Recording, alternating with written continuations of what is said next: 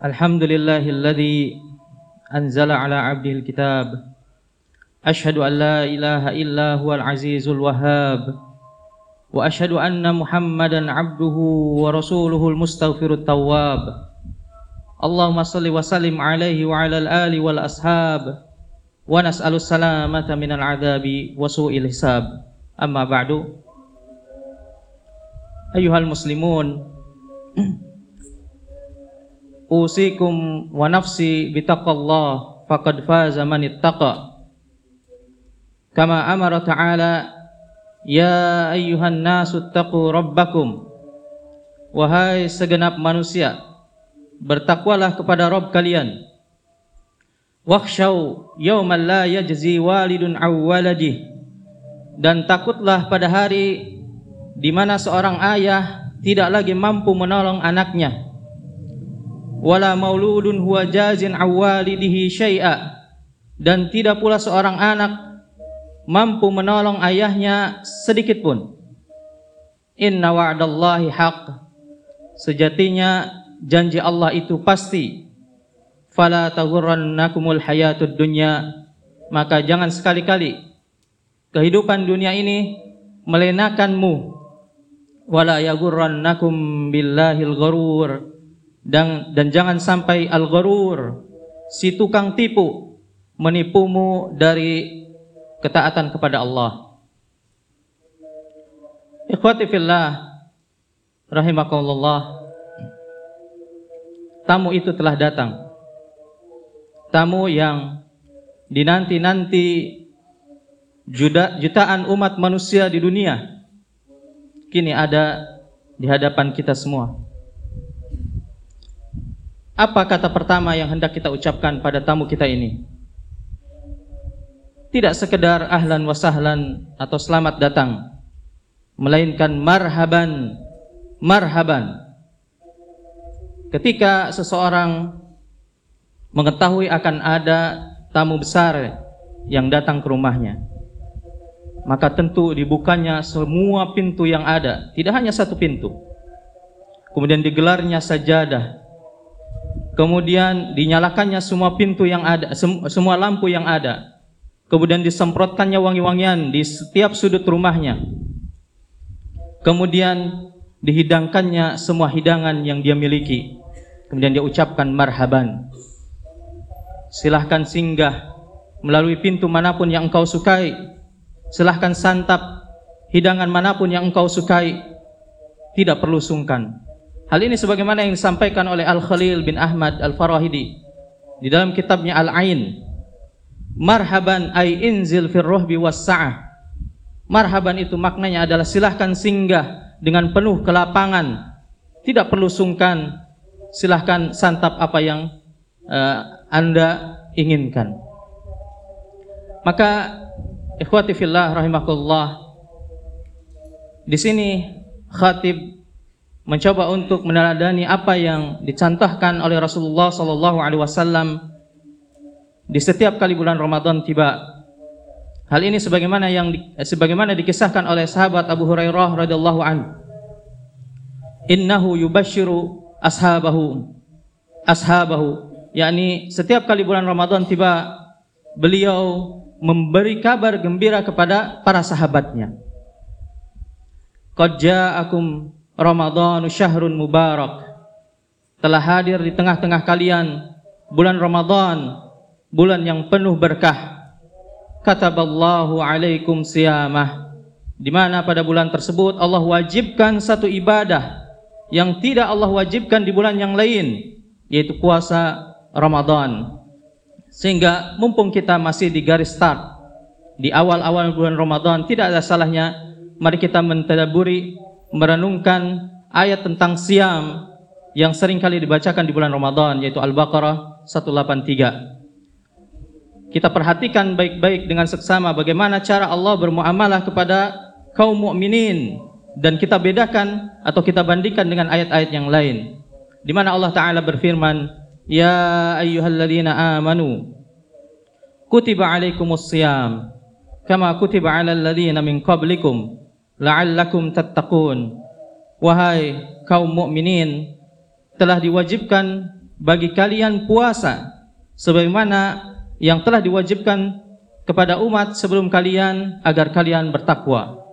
Ayat ini didahului oleh nida yaitu panggilan. Ya ayyuhalladzina amanu. Siapa yang memanggil? Allah sendiri. Allah sendiri tanpa perantara Rasulnya Shallallahu Alaihi Wasallam. Jika kita bandingkan di ayat-ayat yang lain, ketika Allah memanggil suatu kaum atau suatu kelompok maka Allah perintahkan Rasulnya untuk mengatakannya. Misalnya di ayat Qul ya ahlal kitab. Katakan wahai Muhammad, wahai ahlul kitab. Qul ya ayuhan nas. Katakan wahai Muhammad, wahai segenap manusia. Qul ya ibadi. Katakan wahai Muhammad, wahai hamba-hambaku. Qul ya ayuhal kafirun. Katakan Muhammad, wahai orang-orang yang kafir. Tetapi di ayat ini Allah panggil kaum mukminin secara langsung. Kapan seorang presiden menyampaikan pesannya secara langsung kepada rakyatnya tanpa melalui juru bicaranya? Ketika pesan itu adalah pesan yang sangat penting. Pesan yang sangat dibutuhkan oleh rakyatnya sehingga uh, beliau tergerak untuk menyampaikan pesan tersebut sendiri ya, tanpa melalui bawahannya. Maka ketika Allah memanggil kaum mukminin secara langsung, bersiap-siaplah akan ada pesan penting yang akan disampaikannya. Akan tapi sebelum kita masuk kepada pesan tersebut, dipanggilnya kaum mukminin dengan panggilan alladzina amanu. Bukan ya ayuhal mu'minun. yakni digunakan digunakannya fi'il madhi bukan sifat. Hal ini mengisyaratkan bahwasanya iman itu bukanlah sifat yang tetap melainkan ia berubah seiring perubahan zaman boleh jadi seseorang di hari ini imannya kuat esok hari imannya berkurang lusa iman imannya hilang sama sekali kemudian pesan yang disampaikan di dalam ayat ini adalah ya ayyuhalladzina amanu kutiba kutiba alaikumus.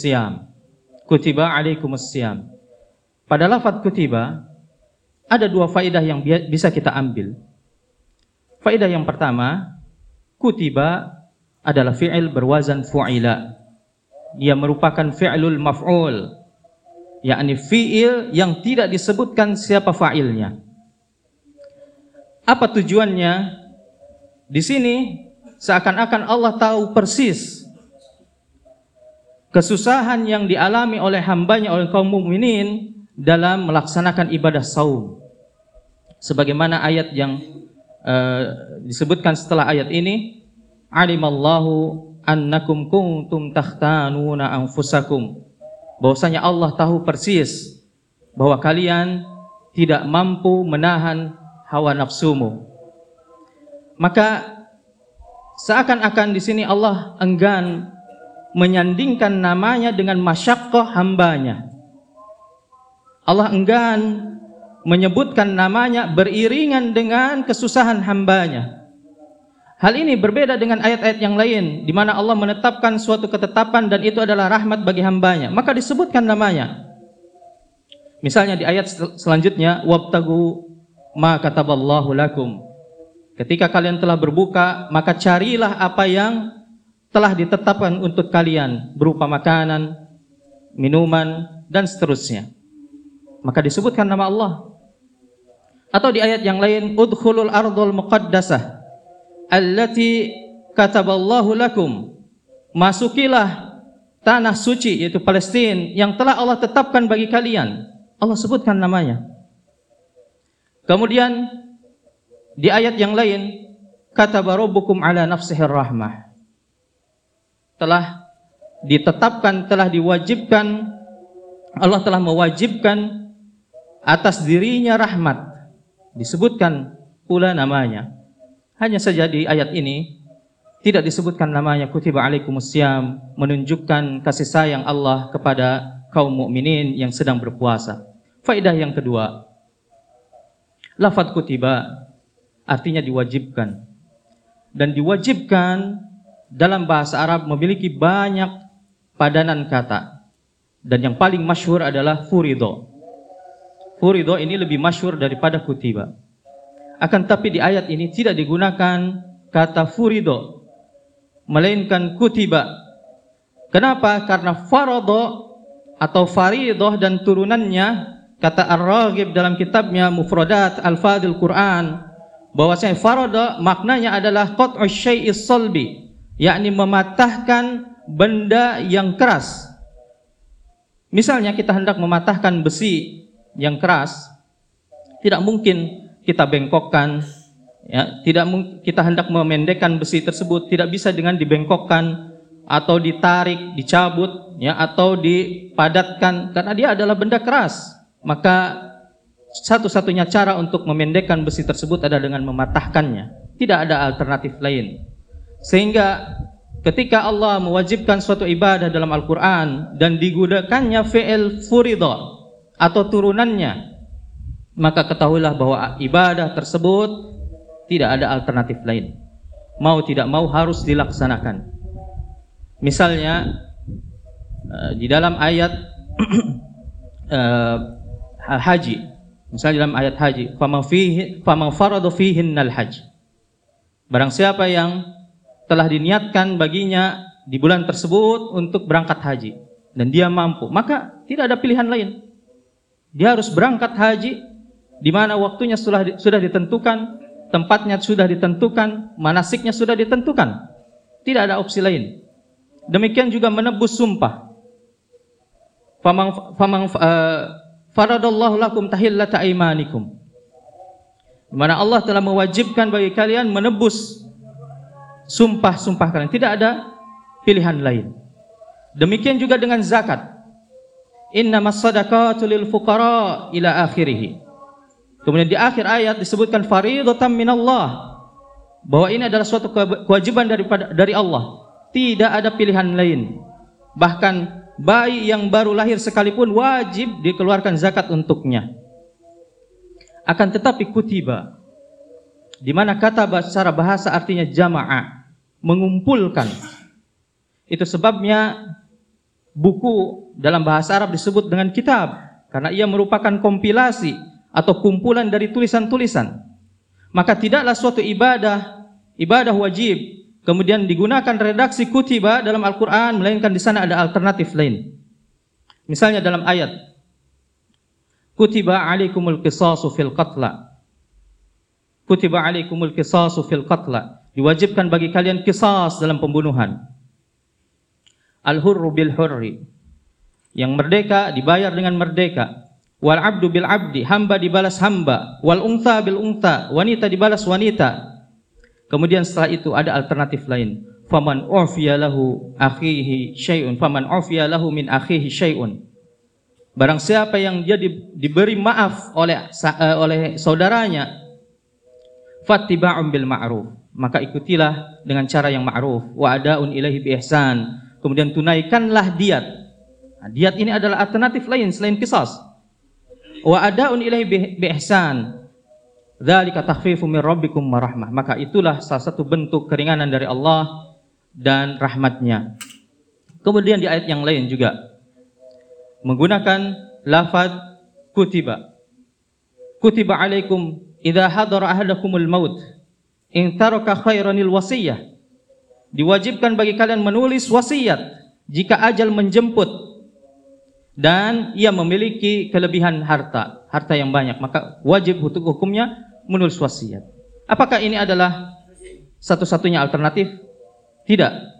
Disebutkan setelahnya faman khafa mimusin janafan au isman barang siapa yang dikhawatirkan pemberi wasiat ini pilih kasih atau melakukan dosa fa aslah bainahum. Maka hendaknya salah satu di antara kalian membuat, berbuat islah. Ini mendamaikan mereka. Fala ithma alaih. Maka hal tersebut tidaklah dosa. Kemudian di ayat yang lain kutiba alaikum kutiba alaikumul qital wa huwa kurhul lakum.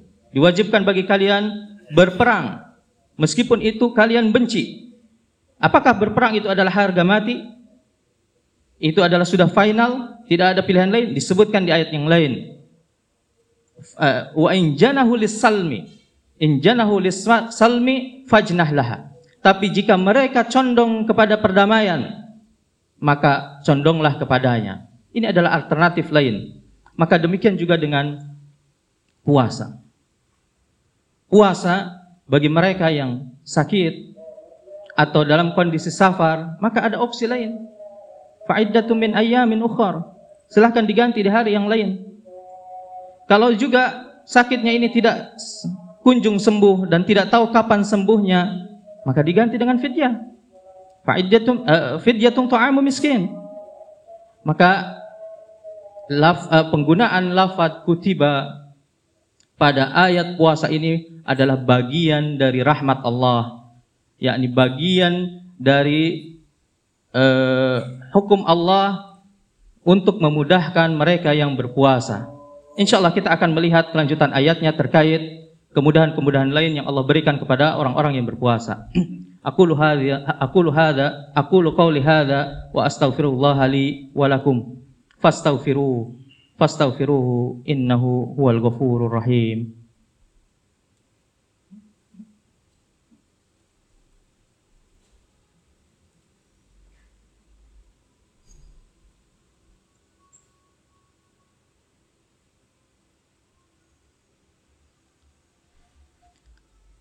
الحمد لله رب الأرض ورب السماء. خلق آدم وعلمه الأسماء. اللهم صل وسلم على خير الأنبياء وعلى آله وصحابته الأجلاء وعلى الداعين بدعوته إلى يوم اللقاء. أما بعد. قال الله تعالى يا أيها الناس اتقوا ربكم إن زلزلة الساعة شيء عظيم. Wahai segenap manusia, bertakwalah kepada Allah. Sesungguhnya goncangan di hari kiamat adalah perkara yang amat besar. Kemudian Allah Ta'ala melanjutkan ayat ini. Kama kutiba ala alladhina min qablikum. Sebagaimana puasa juga diwajibkan atas umat-umat sebelum kalian. Pada potongan ayat ini ada dua kabar gembira. Kabar yang pertama di mana puasa Ramadan ini merupakan penghapus dari kewajiban puasa yang telah lalu. Karena keduanya sama-sama wajib kendati kaifiyatnya boleh jadi berbeda. Maka ini adalah kabar gembira bagi kaum mukminin di mana cukup bagi mereka berpuasa menahan hawa nafsu sejak terbitnya matahari hingga tenggelamnya. Kemudian kabar baik yang kedua adalah bahwasanya ini sebuah bentuk tahwin yakni menenangkan bagi mereka yang berpuasa dan meringankannya. Seakan-akan Allah ingin mengatakan kepada kaum mukminin bahwa kalian tidak seorang diri tidaklah seorang diri dengan ibadah ini. Melainkan sebelumnya sudah diwajibkan atas mereka juga ibadah yang sama. Maka tentu melakukan suatu kewajiban secara bersama-sama itu jauh lebih ringan daripada sendirian dan melakukan suatu kewajiban yang di sana ada pendahulunya, ada contohnya, itu jauh lebih ringan daripada kita adalah pelopornya. Kemudian ayat ini ditutup dengan la'allakum tattaqun. La'alla dalam bahasa Arab adalah harfut taraji yang bermakna harapan. Bahkan terkadang dia termasuk ke dalam harfus syakki yang bermakna keraguan. Akan tetapi kedua makna ini perlu kita ketahui dia hanya berlaku ketika la'alla ini berada di awal kalimat. Ketika la'alla itu berada di tengah kalimat dan lebih khusus lagi ketika dia muncul setelah perintah atau larangan, maka maknanya adalah ikhbaron. Ikhbaron biqtirabi wuku'i syai' in tamma ma'ullika alih dia adalah kabar gembira tentang balasan bagi mereka yang mampu menyelesaikan puasa ini dengan sejak sebenarnya puasa dengan puasa yang sempurna. Hal ini disampaikan oleh Kutrub dalam uh, kitabnya dan beliau adalah salah satu murid Sibawe. Maka di sini Allah hendak memberi kabar kepada kita balasan bagi mereka yang berpuasa, yakni dekatnya kita dengan ketakwaan, bukan sekedar harapan, bukan sekedar apalagi keraguan yang tentu ini bertentangan dengan sifat Allah. di mana di tangannya semua kunci perkara gaib. Tidak mungkin tertutup bagi Allah hal-hal yang akan terjadi di masa mendatang. Kemudian tattaqun. Tattaqun fi'al muta'addi, membutuhkan maf'ul bih. Tapi tidak kita dapati ada maf'ul bih di sini. Ini menandakan bahwasanya tattaqun di sini berlaku secara mutlak. Tidak ada batasan. Bisa bermakna la'allakum tattaquni agar kalian bertakwa kepadaku. Atau la'allakum tattaqunal jahim agar kalian menjauhi api neraka. Atau bisa ber, bermakna la'allakum tattaqunal ma'asi agar kalian menghindari maksiat. Maka tidaklah balasan yang agung melainkan diperoleh dengan usaha yang besar pula. Ketika seorang sudah menunaikan puasa dan segala ibadah yang ada di dalamnya, maka tidak layak bagi mereka mendapat balasan yang dibatasi. Balasan ini adalah balasan yang unlimited, tidak dibatasi. Maka semoga kita menjadi hamba-hamba yang memperoleh hasil yang sempurna dengan ibadah puasa ini sehingga kita menjadi orang-orang yang bertakwa untuk segala hal. Allahumma gfir lil mu'minin wal mu'minat wal muslimin wal muslimat al ahya'i minhum wal amwat. Innaka sami'un qaribun mujibud da'wat ya muqallibal qulub thabbit qulubana ala dinik thabbit qulubana ala dinik thabbit qulubana ala dinik. Allahumma inna نسألك علما نافعا ورزقا طيبا وعملا متقبلا. اللهم انفعنا بما علمتنا وعلمنا ما ينفعنا وزدنا علما. ربنا هب لنا من أزواجنا وذرياتنا كرة عين واجعلنا للمتقين إماما. ربنا آتنا في الدنيا حسنة وفي الآخرة حسنة وقنا عذاب النار. آمين. يا مجيب السائلين. aqimus shalah